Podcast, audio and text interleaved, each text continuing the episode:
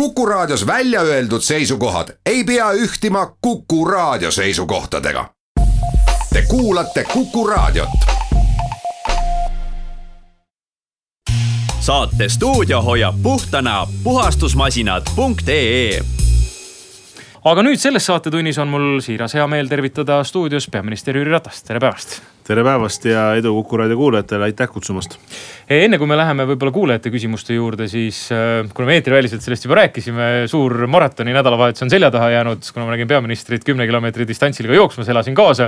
Äh, kuidas, kuidas tundus selle rahvamassi sees, mida Tallinna maraton kindlasti on, joosta ja, ja sellist sportlikku nädalavahetust veeta? kõigepealt ma pean ütlema raadiokuulajatele, et see, kes jookseb siin kümme, hetkel räägib, aga see, kes jookseb neli korda rohkem ehk saatejuht, see on tagasihoidlik, nii et aga kõigepealt ma tänan kaaselamise eest. mulle selles mõttes, olgem ausad, et, et need inimesed, kes korraldavad sellist suurt rahvaspordiüritust et äh, alates eesotsas Mati Lillejällikust ja lõpetades kõigi tema meeskonnaliikmetega ja kõigi sponsoritega.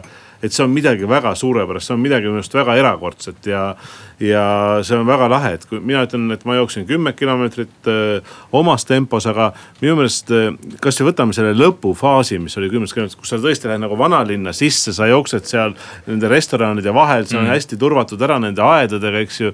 et see on minu meelest see, kus naudib, ma arvan, pealtvaataja naudib ka see sportlane. ei ole mõtet, ma olen täiesti nõus korraldajatega, ei ole mõtet seda viia kuhugi linna äärde, vaid see peab olema seal linna keskel. ma saan aru, et see tekitab alati ka liiklusküsimusi, aga need mõned päevad, õigemini mõned tunnid isegi, mis on mingid teed, osad suletud loomulikult saab alati teha veel paremini teavitust ja kõike seda, aga see on midagi väga kihvti minu arust, midagi väga suurepärast, et see on meil Tallinnas olemas. ja tuleb tunnistada, et kui kuulata päevajuhi sõnumeid, siis igas jooksus ju need rekordid kukkusid, et tuli järjest rohkem ja rohkem veel osalejaid, et et äh, väga lahe ja väga mõnus. jah, mõeldes ka suurlinnade peale, et me lihtsalt võib-olla peame natukene harjuma sellega, et äh, Tallinna maratoni on siiani joostud, eks ole, Viimsisse tagasi, Viimsisse tagasi, aga. aga nüüd siis viimasel kahel aastal tõesti selliselt äh, noh, näidates ka seda, mis meil Tallinnas näidata on ja, ja mõeldes tõesti suurlinnade peale, siis miks mitte. selles suunas me peaksimegi liikuma no,. minu meelest see peab igal juhul jääma kesklinna, kasvõi see kümnes kilomeetris kultuurikatlast läbiminek, eks ju, see on noh kõik need asjad ju ei ole mitte ainult see meile, kes me siin elame igapäevaselt, aga on ka meile, aga on ka nendele, kes sealt tulevad jooksma ja ta on rahva, väga suur rahvaspordiüritus, suurim ja minnes nüüd muidugi mm, teemade juurde, mis kindlasti ka kuulajaid äh, huvitavad ja, ja põletavad, on siis äh, te olete värskelt tulnud just esimesest infotunnist ja äh, online meedia juba põleb sellest, mis toimus infotunnis, kuidas on tekkinud ka tuline diskussioon peaministri ja, ja EKRE esindaja Mart Helme vahel teemapüstitusega, mis puudutab Eesti riiki. milles see diskussioon seisnes siis? Diskussioon seisneb kõigepealt selles, et hakkame pihta sellest, et loomulikult auväärt riigikogule palju, palju jõudu ja palju edu. Nad alustavad oma uut istungjärku ja see on kindlasti hästi oluline. Äh, aga milles diskussioon seisneb, on see, et äh, riigireetmine mis avastati siin mõned päevad või mõned nädalad tagasi.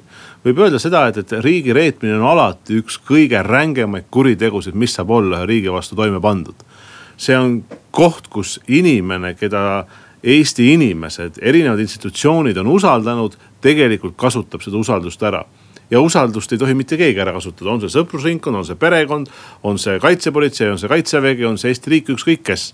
ja nüüd, mille üle see diskussioon toimub, et äh, toimub selle üle, et EKRE ja härra Helme koos oma noorteorganisatsiooniga Sinine Äratus ütleb, et kõik, kes on vene nimed või kelle kodune keel on vene keel et neile peaks olema äh, ellu kutsutud mingisugused suuremad kontrollid kui neile, kes on eestikeelsed äh, Eesti inimesed, ma räägin praegust Eesti kodanikest antud juhul me teame, et see riigireetur tõesti, tema emakeel äh, vähemalt isa poolt oli vene keel.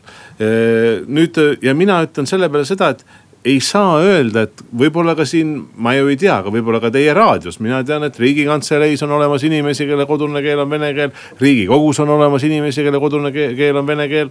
ma arvan, meie paljud naabrid elavad äh, Tallinnas või ükskõik kus kohas kelle kodune keel on vene keel, et tähendab, minu sõnum on see, et riigi reetmine ei ole kuidagi ja seda ei tohi viia rahvuspinnale.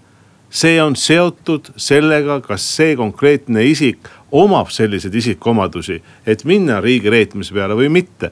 aga teha siin taaskord selle põhjal rahvuspinnalt suurt konflikti mina loomulikult äh, Eesti Vabariigi kodanikuna, aga ka täna Eesti Vabariigi peaministrina selle vastu seisan, et see lõhub ühiskonda ja see ei ehita ühiskonda ja meil on vaja ühiskonnas sidusust, meil on vaja ühiskonnas sildasid, mitte müüre. ei saa öelda nii, et teie olete siia kuidagi rohkem ja tugevamalt omad kui teie, kes on siin, ma ei tea, vasakul-paremal või, või ees.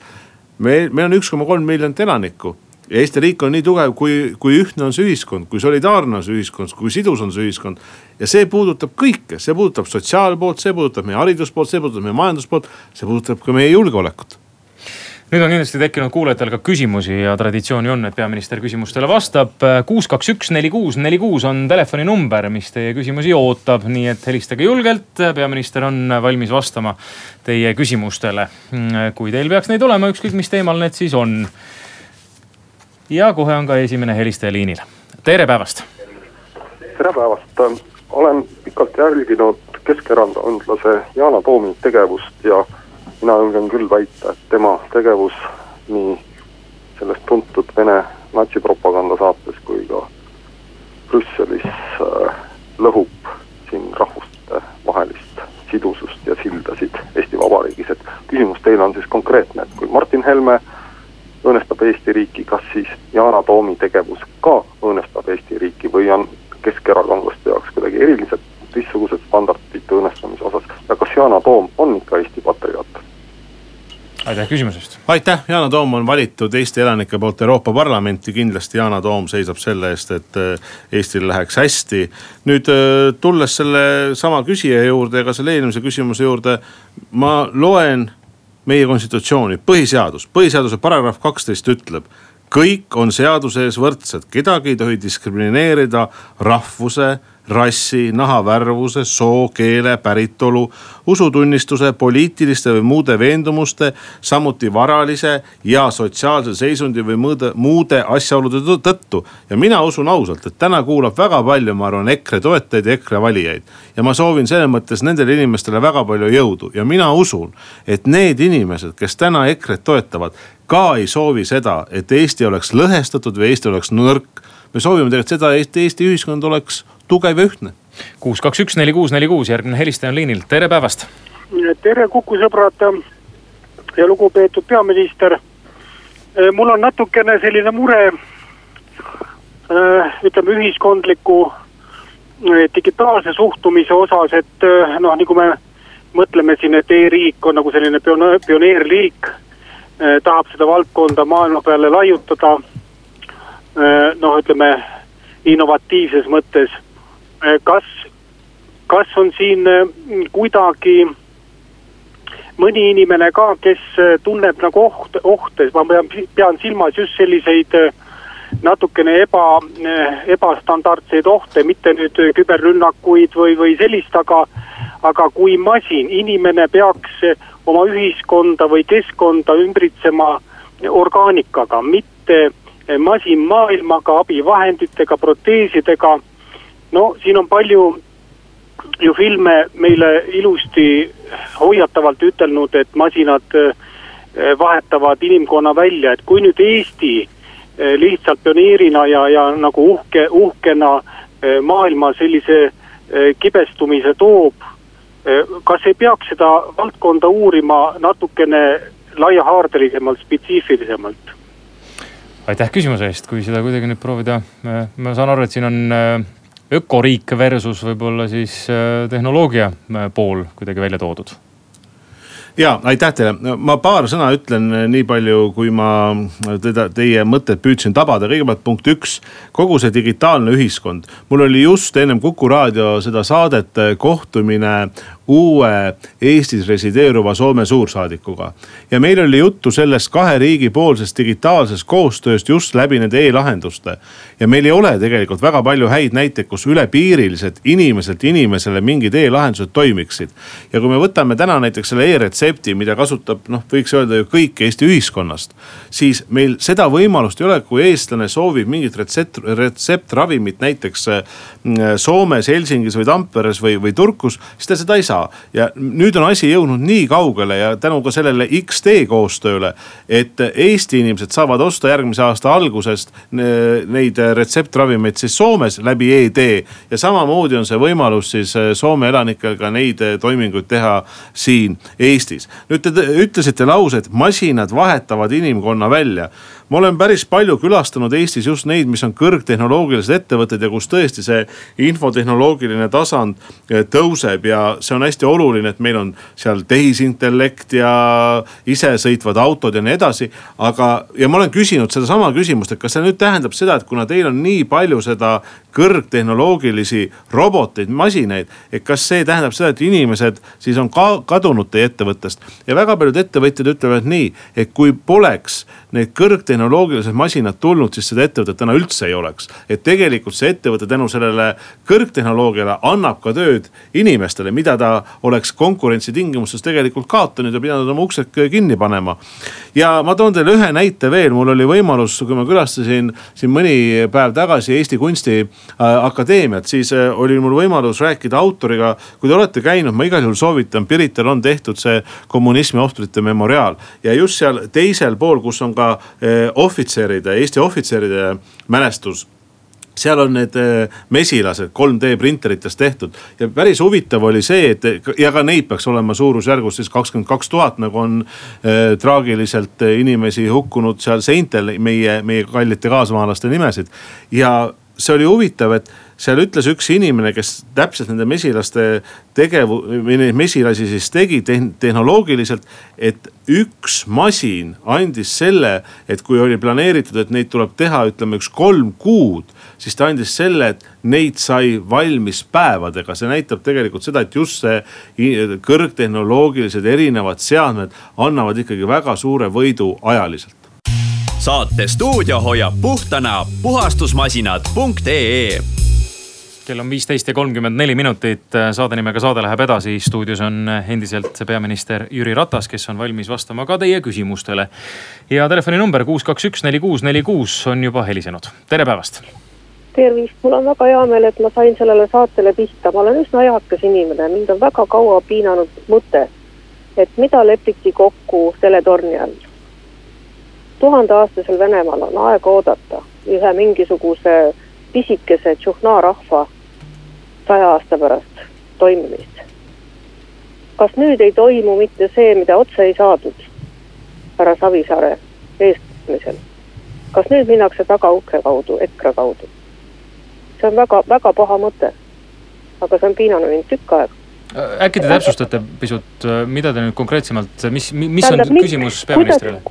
kuidas härra Savisaar suutis Vene naatsid tagasi keerata, mis kokkulepped olid, Venemaa ei tee mitte midagi ilma kokkuleppeta.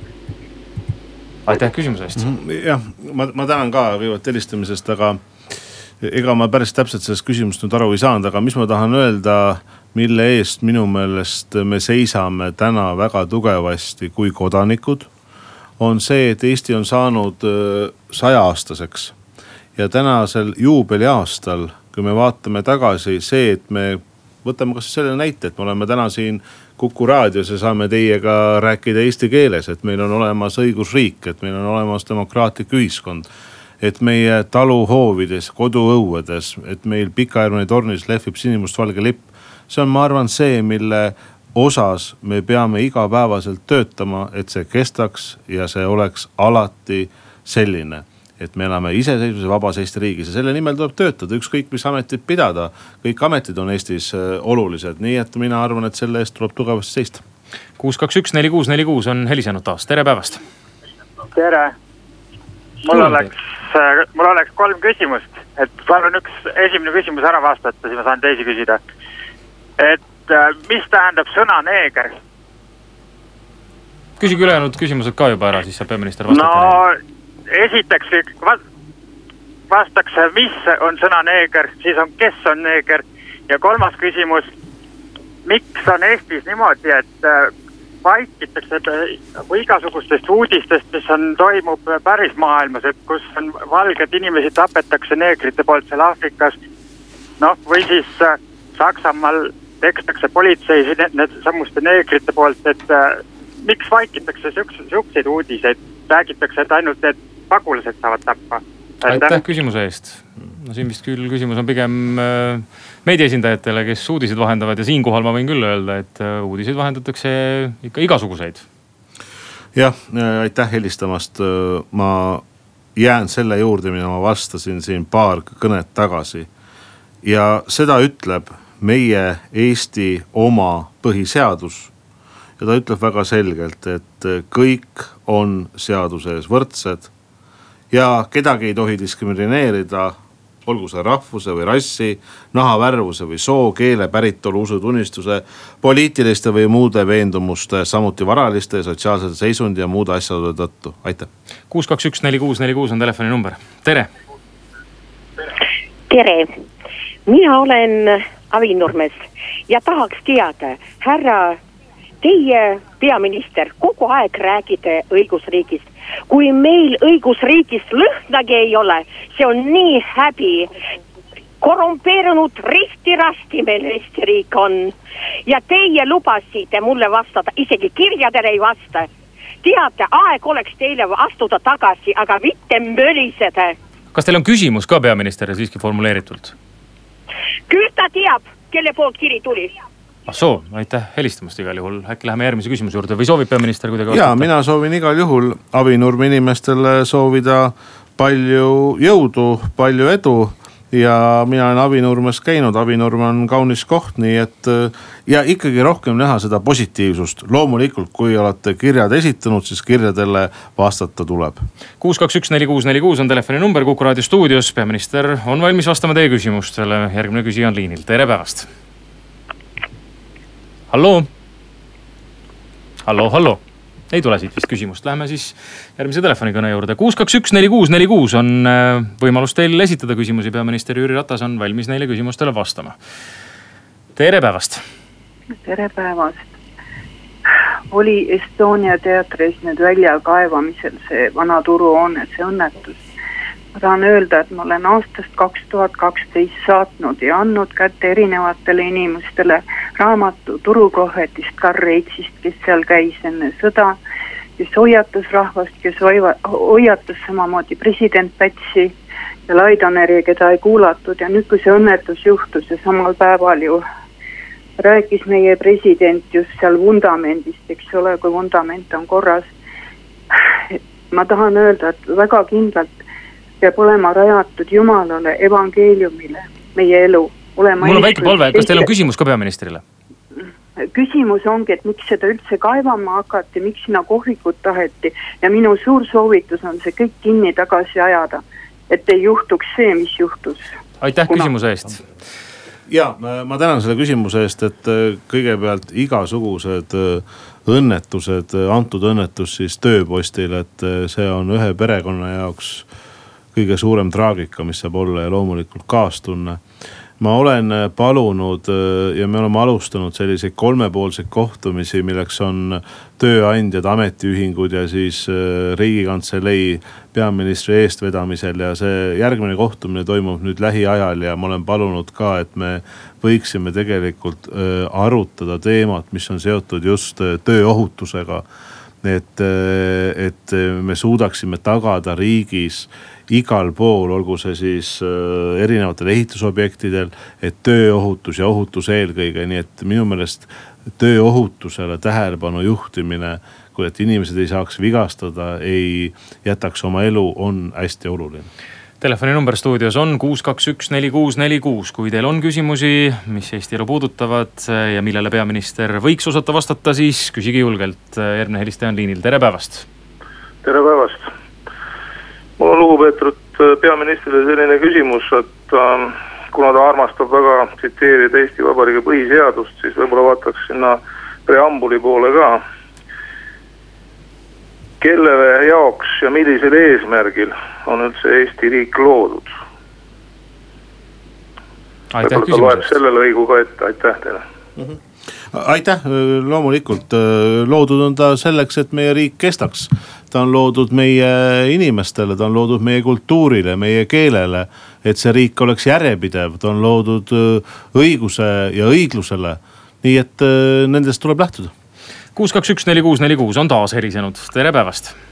tere päevast, ma nüüd mingi kümme või viisteist minutit tagasi panin Kuku raadio sisse ja kuulan seda saadet ja täiesti võimalik, et ma oma küsimusega nüüd langen mustrist välja, aga varsti on riigieelarve äh, arutelu ees ja riigieelarve väga suur kuluartikkel on teatavasti kaitsekulud.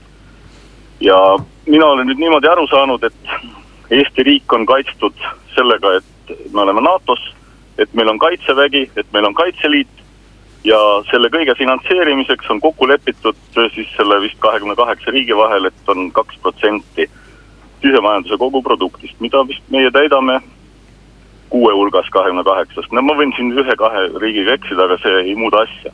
me oleme väikeses vähemuses, kes selle kaks protsenti on täis pingutanud ja ilmselgelt on ka üle pingutanud ja vot mul ongi nüüd selline tees, et tähendab, et Eesti riik nendest kolmest eeldusest lähtudes on kaitstud ühteviisi, kas me kulutame kaks protsenti, kolm protsenti, neli protsenti või viis protsenti SKP-st. ja mul oleks nüüd küsimus, et mis mõttega me kulutame rohkem kui kaks protsenti, kui sellega tegelikult mitte midagi ei saavuta, sest kui tõesti läheb sõjaks NATO ja Venemaa vahel, mida muidugi ei lähe, siis ei ole ju vahet, võid ka kümme kulutada. aitäh, aitäh küsimuse eest Äh, aitäh teile küsimuse eest ja minu meelest ei lähe üldse mustrist välja. ja tulenevalt eilsest äh, majandusprognoosist ja ka finantsprognoosist on see ju väga aktuaalne teema ja see oli ka täna riigikogus. mul oli väga huvitav debatti pidada siin näiteks äh, Reformierakonnast Maris Lauriga. aga paar sõna siis teile, et kui, kas me oleme kaitstud et eh, mina tooksin siin esikohale hoopiski selle debati, mida te, te ütlesite, te kuulis, olete kuulanud siin võib-olla seitseteist minutit. ja, ja see on see debatt, et Eesti ühiskond on sidus, on tugev ja on ühtne. ja tegelikult sellest algab meie julgeolek, meie julgeolek algab ju meie kodu lävepakust meie majast, meie tänavast, siit hakkab meie julgeolek. see, et Eesti on teinud tarku ja õigeid otsuseid ja et me oleme täna Euroopa Liidus ja me oleme täna NATO-s. ma arvan, et see on väga suur väärtus, ma arvan, et see on ainuõige samm, mida Eesti on astunud tänu meie inimestele, tänu varasematele valitsustele, varasematele riigikogudele, aga ka varasematele peaministritele nüüd äh, jah, te ütlesite kakskümmend kaheksa, tegelikult te mõtlesite, ma arvan, kahtekümmet üheksat riiki, kes täna NATO-s on. ja te ütlesite, et viis-kuus äh, äh, siis panustab sinna kaks protsenti.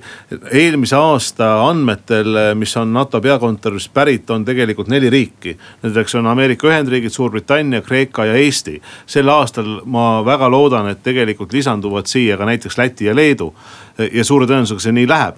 nüüd, kas on vahe, kas me panustame kaks protsenti, kaks pool või kolm protsenti. küsimus on selles, et mille peale need investeeringud lähevad. tänane valitsus, kui ta tuli ametisse kuusteist, kaks tuhat kuusteist novembris ütles, et üks prioriteet on kaitse kaitse ja välispoliitika temaatika, see oli see, miks me lõime ka eraldi kaitseinvesteeringute fondi lisaks tänasele. ja see on kakskümmend miljonit eurot siis igal aastal kuni aastani kaks tuhat kakskümmend kaks, nii kaua kehtib riigi eelarvestrateegia. nüüd see, mis te ütlesite oma küsimuse lõpus, et ma, see, see sõja aspekt aga selleks tulebki kõik teha, et mitte kunagi see sõda ei algaks. ja selleks on vaja hoida tugevat ühiskonda, selleks on vaja olla tugev ja aktiivne partner NATO-s ja Euroopa Liidus ja selleks tuleb ehitada nii tugev heidutus, et mitte kunagi sõda ei toimuks, sest et äh, see on kõige hirmsam, mis saab olla. selleks tuleb hoida ka väga tugevaid välispoliitilisi, diplomaatilisi suhteid. ja ma arvan, et see, mida Eesti välisteenistus teeb, on väga muljetavaldav, on oluline. Te kuulate saadet viisteist nelikümmend kaheksa on õige kell ja endiselt on peaminister Jüri Ratas stuudios külas, valmis vastama teie küsimustele. kuus, kaks, üks, neli, kuus, neli, kuus on telefoninumber ja juba on ka telefon helisenud. tere päevast. tere päevast, lugupeetud peaminister, minul on küsimus pensionäride poolt. et te lubate tõsta pensioni seitsekümmend kuus eurot pluss indekseerimine, mis teeb kokku sada eurot enam-vähem. Kaja Kallas räägib juba poolest keskmisest palgast, mis teeb juba seitsesada viiskümmend eurot laias laastus. minu küsimus on see, kas teie pensioni tõstmise plaan jõustub enne valimisi või jääb, lükkub edasi peale valimisi? Mm..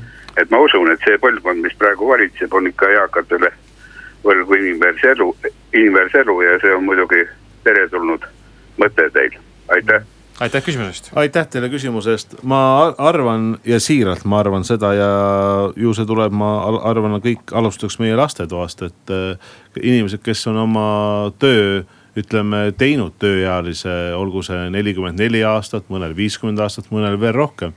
loomulikult, eriti vaadates meie lähiajalugu, on elanud väga keerulistel aegadel, aga Nad on loonud oma pered, siin on sündinud lapsed, lapselapsed, nad on tegelikult uskunud sellesse, et Eesti on ükskord taas vaba ja nad on Eesti nii kaugele viinud eriti tänasel hetkel te ütlete väga õigesti, et need inimesed, kes on näiteks minu generatsioonist vanemad, et nemad on ehitanud seda, et Eesti täna oleks saja aastane ja meil oleks juubeliaasta, mida teevad kõik tegelikult, hoolimata generatsioonist.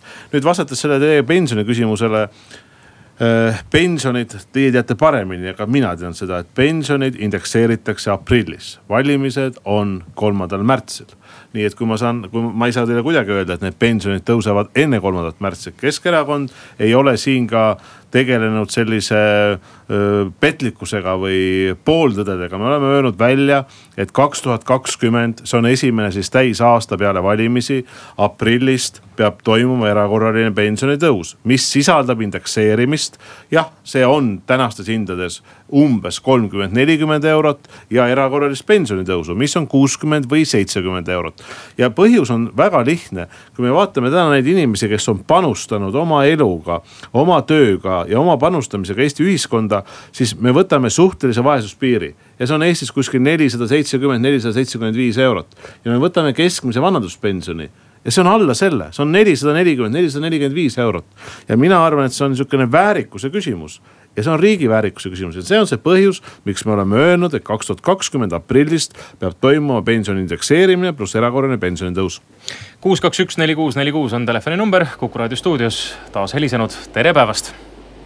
tere päevast ja tervist ja pikka iga Hiiumaalt. Äh, küsimus härra peaministrile. Äh, riik on minemas üle seoses äh, tegevuspõhise riigieelarvega sellisele suuremale kulude läbipaistvusele ja minu küsimus peaministrile on, et kas äh, peaminister on võtnud isikliku tähelepanu alla ka sellega seotud nii-öelda projektid, et suhteliselt pingelises eelarve olukorras, kus me räägime pensionite tõusust ja kõikidest muudest asjadest, leiduks näiteks äh, Tere projekti ja Tere Kais projekti raames äh, nagu võimalusi juba järgmine aasta nii-öelda võimalike kokkuhoidude ja efektiivsuse tõstmise nimel nii-öelda kulusid kokku hoida mm. -hmm aitäh teile, kõigepealt ma sain aru, et te Hiiumaalt helistate vähemalt, et nii. Äh, ütlen, et olen kade teie peale. oleks ka hea meelega hetkel Hiiumaal, aga see töö ei võimalda, nii et ma loodan, et äh, seal läheb hästi. aga kui rääkida eelarvest, siis tõesti võttes eilne majandusprognoos, siis Eesti riigi rahanduse seis on hea. jätkuv majanduskasv aitab täita riigikassat, struktuurne eelarvepositsioon on tasakaalu lähedal ja mis on minu meelest ka oluline, et võlakoormus on väga madal ja see väheneb ettevaatavalt vaates ja lähinevate, lähenevate aastate jooksul veelgi ja kindlasti kahe tuhande kaheksateistkümnenda aasta eelarvepositsioon on uue majandusprognoosi ning uuendatud info põhjal palju parem. järgmistel aastatel on see väikeses languses. nüüd, kui te küsite, et selliste kulude optimeerimine ja selliste mittemõistlike kulude ärajätmine ma arvan, et tegelikult see on üks katteallikas ka, kui erakonnad lubavad siin erinevaid ideid siis alati küsitakse, kuskohast tuleb see kate, et me võime öelda, see tuleb majanduskasvust, aga see tuleb ka alati sellest, mida te vihjasite. et minu meelest riik peab olema võimalikult läbipaistev bürokraatiat peab olema nii palju kui vajalik, aga nii vähe kui võimalik. et inimesed saaksid tegutseda, ettevõtjad saaksid tegutseda ja loomulikult need kulud, mis ei ole enam mõistlikud või mis tuleb üle vaadata, et sealt tuleb ka kärpida telefon kuus, kaks, üks, neli, kuus, neli, kuus on taas helisenud vahepeal, tere päevast. tere päevast, äh, vabandan ette, et ma ei kuulnud teie saadet algusest peale. Äh, ma ei tea, kas teil aktsiisidest on juttu olnud? veel mitte. ahhaa, väga meeldiv. Äh, tähendab peaministrile küsimus nüüd selline, et ühesõnaga ikka, ikka, et, et mis häda nende aktsiisidega on, tähendab see sada miljonit, mis väidetavalt mõni miljon siia-sinna nüüd Lätti läheb, ütleme selle alkoholiaktsiisi pealt, pluss tähendab vedajana ka, tean väga hästi, mis tähendab kütuseaktsiisi. vahe Eesti ja Läti vahel, eks ole. tähendab, härra peaminister, kas te peate seda nüüd normaalseks, eks ole, et see asi nüüd niimoodi on nende aktsiiside vahega. kui te peate normaalseks, no tont teiega, eks ole, aga kui te ei pea normaalseks, siis miks mitte midagi ette ei ole võetud, et, et asi normaliseeruks asi äh, tasakaalustuks ja, ja, ja, ja täis oleks mõistuspärane, aitäh. aitäh, alguse, saate kohta, nii, algus on olnud väga hoogne saate algus. aga kui rääkida nüüd aktsiisidest, siis ähm, see nõuab natuke pikemat vastust, ma püüan seda nii lühidalt teha kui võimalik.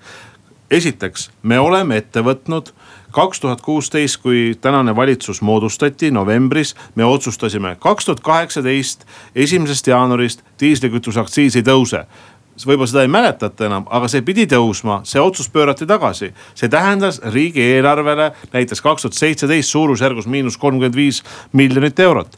me oleme, me otsustasime, et ka kange alkoholi aktsiisi tõus ei saa olema nii kõrge kahe tuhande kaheksateistkümnenda aasta esimesest veebruarist.